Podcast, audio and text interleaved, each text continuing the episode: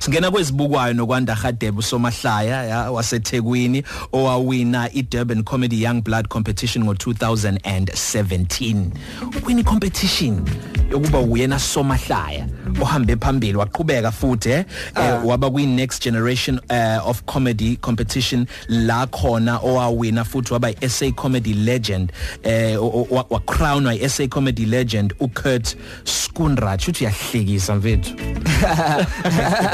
Isho nje isho njalo imbhalo sawubona mfethu isho njalo imbhalo eh isho njalo imbhalo uqala kuphi uyibona ukuthi uyahlekisa? Uqala kuwena ngokuthi uhleke into oyicabangayo noma oyishoyo noma baseduze nawe. Ubona kuphi ngempela ukuthi yazini ngusomahlaya mina? Mina mina ngicabanga ukuthi mhlawumbe kuyashiya shiyana bo abanye abantu abafana bo khona uthothi mhlawumbe ahlekisa kakhulu mebehlela abantu behleli kanje yabo? bese kuzoba khona lozothi ha mina?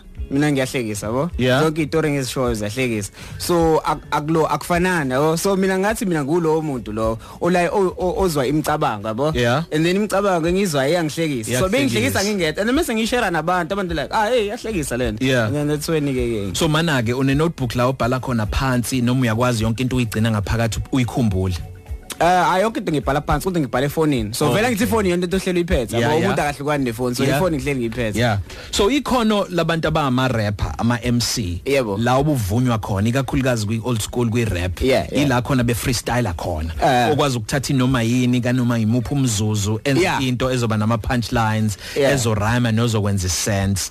Ungathi la kwasomahlaya kwi industry yamahlaya kusayileyo nto futhi ekunikeza leso sicoco sokuthi uyahlekisa ngempela. Amahlaya awafani ne ne rap. Yabo i rap i rap i i competition kakhulu yabo where else i comedy it's like into e family yabo eh into sihleka sonke yabo. kodwa kwi rap mawukuthi mina wena as MC ngikudlulile.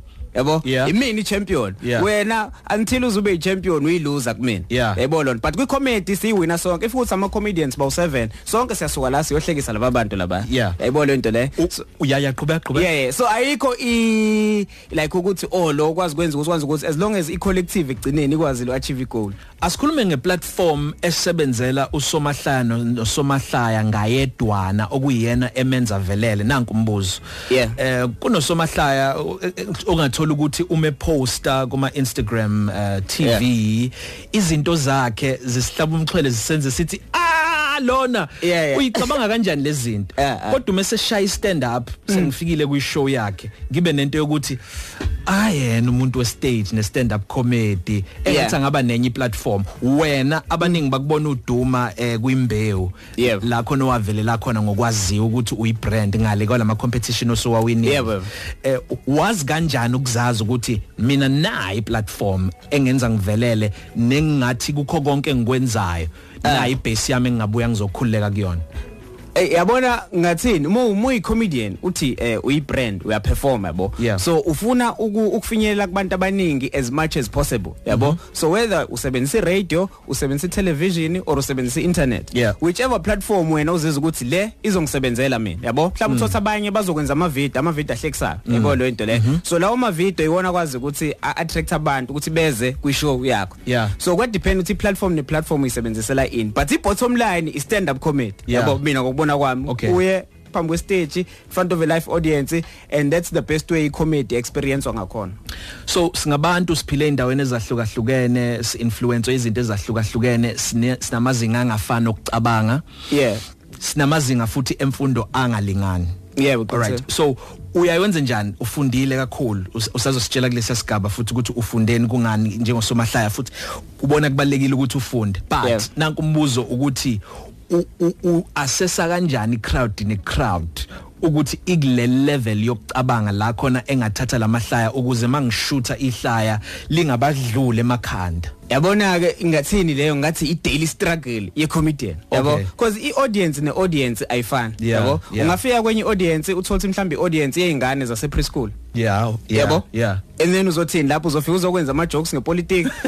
Ayikho lonto aba ingane se preschool azimazi well mhlambe mhlambe mhlambe mhlambe ngayihlekisa uma unekhona. Yeah yeah yeah yeah. But ke i ngingasho mina ngithi kanjalo iya iya lo iyahlukahlukana yabo so wena mawufika umsebenzi wakho mawufika stage mawufika nje kwishow just to analyze audience ubuka abantu ukuthi profile yabantu abalapho kanjani yabo babo mose uyafika nje kwi kwi kwi kwi lo kwi kwi parking lot ubona ama Range Rover ama Mercedes yazi okay manje ama blesser ke lawa lana angizohlekisa ngama Slay Queen so nje yabo into kanjalo ngiyakuzwa before say market dear fresher. Dear Fresher, uh ngizokhuluma on behalf of izinto ezenzakalayo university ne? Yeah. Uh so as umuntu osehlala university for 7 years, yabo? Yeah. Uh ngizothi uh, Dear Fresher, uh igama lami nguthini Lafishi, uh ngizoba umngani wakho ubusuku nemini, uh ngizawuba nawe noma bekushiyo pizza bekushiyo KFC, mina ngohleli ngikhona. Uh igama lami ngama noodles, uh uzolala ngami ngesinye isikhathi uyothola mina kuphela usuku lonke and enye into uma ukuthi uzofika ube umuntu ozofika eVice kumele ube creative yabo? Around indlala leyenzakala yabo? mhlambe khona khona into ekuthiwa i bread only sandwich. Yazi bread only sandwich yabo lo uthatha khona izinto sandwich ngiyakutshela uthatha izikwe eziwu2 ezibrown yabo? Bese uthatha islice esisodwa simhlophe usifake phakathi. Bebe kubuza ukuthi ayini le uthi abafethi izulu burger lena just izulu burger. So if u creative uzo survive kwindlala. Sabo kakhulu hleli nokwanda khadebe kwezibukwa dear fresher Erica Padu honey. U weird okay u strange indlela aqoqa ngayo image yakhe. Kodwa ama athi u woke nginamanga mfethu woke woke woke. Ya bathi woke zonke lezi zinto eziweird indlela aqoqa ngazo. Yabo lezo zo afro punk style like. Hayi bayayithanda yabazi abantu abasha. ma umlungu kuthiwa uyi hip bo umuntu omnyama kuthiwa ipara so. Sihleli lokwanda kwezibukayo kwanda khade bongisumahla kuphi ekhaya eh ngisuka exobo eh ngokuzala ngizala exobo esigodini sasophepheni. Okay. so shout out to the people there. So farm boy. Yeah yeah strong.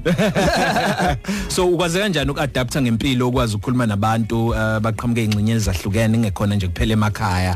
Kodwa ukwazi ukuthi ufithe futhi nalapho ah ilo ihumor yabo ukuhlekisa akuyona i angena kwiclass uthini akukho akukho iyona into ehlanganisa abantu leyo ukuthi sonke siyahleka. Yabo yeah. yonke into yabo nje by the time esihleka sonke kusho ukuthi sonke ukuhleka is one of the things sikhombisa ukuthi sonke sabantu. Kahle kahle ngaphambi kokuba sekumanqampu nqampu bukhuluma ngalento yokuthi sikhulume ngalento yama conscious levels angafani nokuthi wazi kanjani ukuthi abantu abathile nali ihlala belizobasebenzela. Asingene kule ngcenye yakho nemfundo nokuyazisa nokuqhubeka ufunda ufundani ngeke ngakuze ukukhuluma ngo7 years angazi noma kunemlenze phakathi in dear fresh hayi hayi hayi imlenze iyaba khona lapha nalapha yabo kodwa sekushiyana nabantu ungasali soba nemlenze eminingi ngathi sicapcap nje ibe bemncane yeah. So ufundani kuphi nendawo? Oh ngimina ngise University yaKwaZulu Natal Howard College uh undergrad ngifunde geography and environmental management and then postgrad ngibenza okwamanje ngisa kwi process yokuqedela i masters yami kwi population statistics.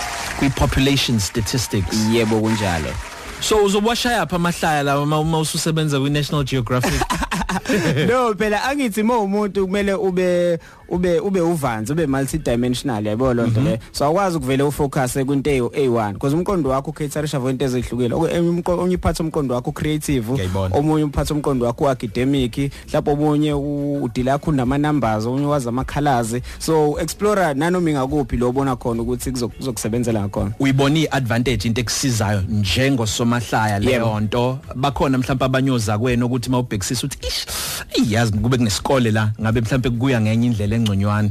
Uh isikole isikole ngasho ngithi sibalekile because ayikho i piece of information engeke engeke ilo improve impilo yakho yabona so if uya esikoleni uyayithola information but mina into engiyibonayo as abantu abamnyama sinako uku mistake ilo i education yabo? Si si siyenza ibe kube ngathi into A elo A1 yabo? So i i formal education moya e university u register utwenza degree ukuthi. Uyikhoze ukuthi you find ukuthi abantu abaningi bayangena but by the time bephuma ba qualified.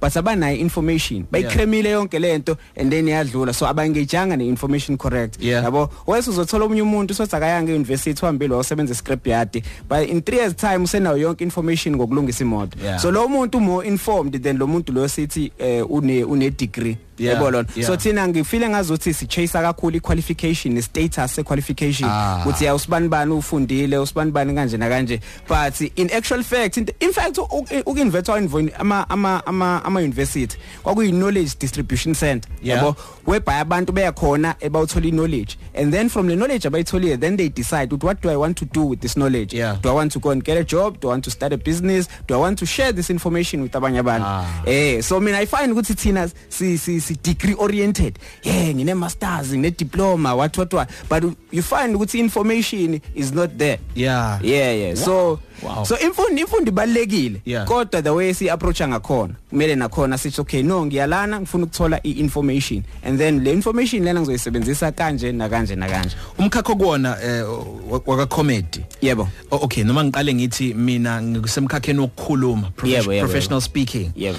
Um ngokubuka kwami ngokubuka kaSiyamhlongo sure. uh, motivational speaking uh, mm. la ikhona ngo 2020 iyehlile ngendlela eyenzeka ngayo meaning nge conventional way yakhona sure, kunaloko ebiyikho ngo 2010 yeah, eh yeah. uh, ngiyazi ukuthi kubalekile ukuthi abantu bakhuthaze baqoqozelwe futhi abanye basakulambele lokho yeah. kodwa mawungathi ubala iimpact neresponse yabantu ngazi ukuthi yehlile yeah. umbono kaSiya okay. lento ke isifaka inselelo yokuthi kuzokwenzikwani ke landelayo ngoba akumele kube umkhakha ozoshabalala what's next Sure. mangathi ngibuza wena kwi comedy Yeah. ngibonila kube khona ama one man show Uh. ama roasty Uh. ikuphi okulandelayo manje ngecomedy wecomedy ngicathi u- umhlaba wonke ulandela i-route e1 that is ile route yokuba digital Okay, yabo? yeah. so ungena online and because online online ayinama boundaries yabo ayinama boundaries ama country ayinama boundaries uh, ye region ikwazi ukuthi reach abantu bebonke emhlabeni Yeah. so i, but i-online ilo i-online inawo i-affect i-comedy that's why ngathi i-comedy seyiqala ukwehla because manje i, i, ama jokes are all over the internet yabo Ah. ungena ku-internet khona imimu ungena ku-internet yabo so everything is accessible Yeah. why then mina kumele ngisuke ekhaya ngihambe ngikhokha 150 rand ngoba ukukwanda laphana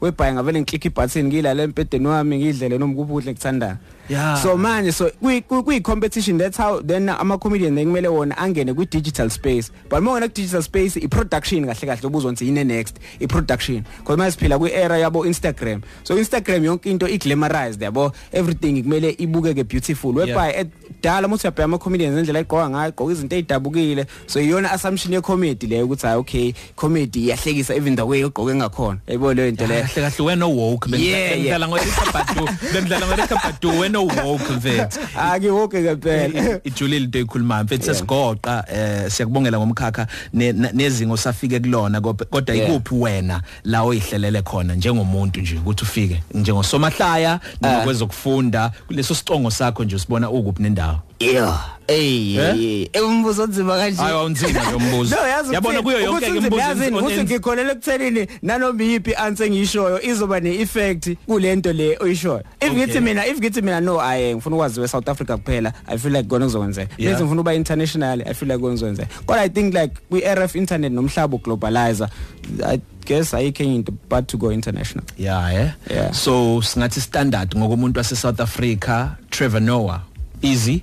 Probably the best yeah Trevor Noah yeah by the way and and futhi lokho angimdlela umona Yeah. eh kodwa ngiyamazi ukuthi umuntu over prepareayo Yeah, yeah, yeah. so uhlobo lomuntu ofana nami ngiyathanda Ah. ngiyathanda ukuba over prepared ngezinto engizozenza Sure. angi angimandla kakhulu eku freestyling Oh, yeah, yeah, ngomsebenzi wami Oh, yeah, yeah. ngiyazi ukuthi prepare kakhulu akangena stage so Sure, sure. angeke ngize ngimrate njenge freestyle comedian ngaleyo ndlela yes experience izomfundisa Yeah, yeah. ezekhula endleleni uthini umbono wakho ngalokho ngani about uh, Ngayo lento engishoyo. i freestyle freestyle comedian yeah ngoku- ngokuthi comedy yakhe ilele kakhulu ekutheni uyacwaninga yeah but isona strength sakhe futhi leso and Yeah. i feel like iyona iyona ndlela yokwenza comedy because mobuku Trevor kunezinto ozibuza zona masiqedile tha oh okay sure Yeah. esho ukuthi kanje kunezinto sesizifundile ngamanye amazwe Yes. ngenxa yakhe yabo because uyasithatha isikhathi research information Yeah. nayo yonke leyo into leyo Yeah. but futhi siyadinga futhi nama comedian azohlekiza ngezinto nje ezenzakalayo la yabo Yeah. so kuyibalance thizeni yawuthi ngithivalelisa ungaze uhlekise ngami ngaphambi kwakho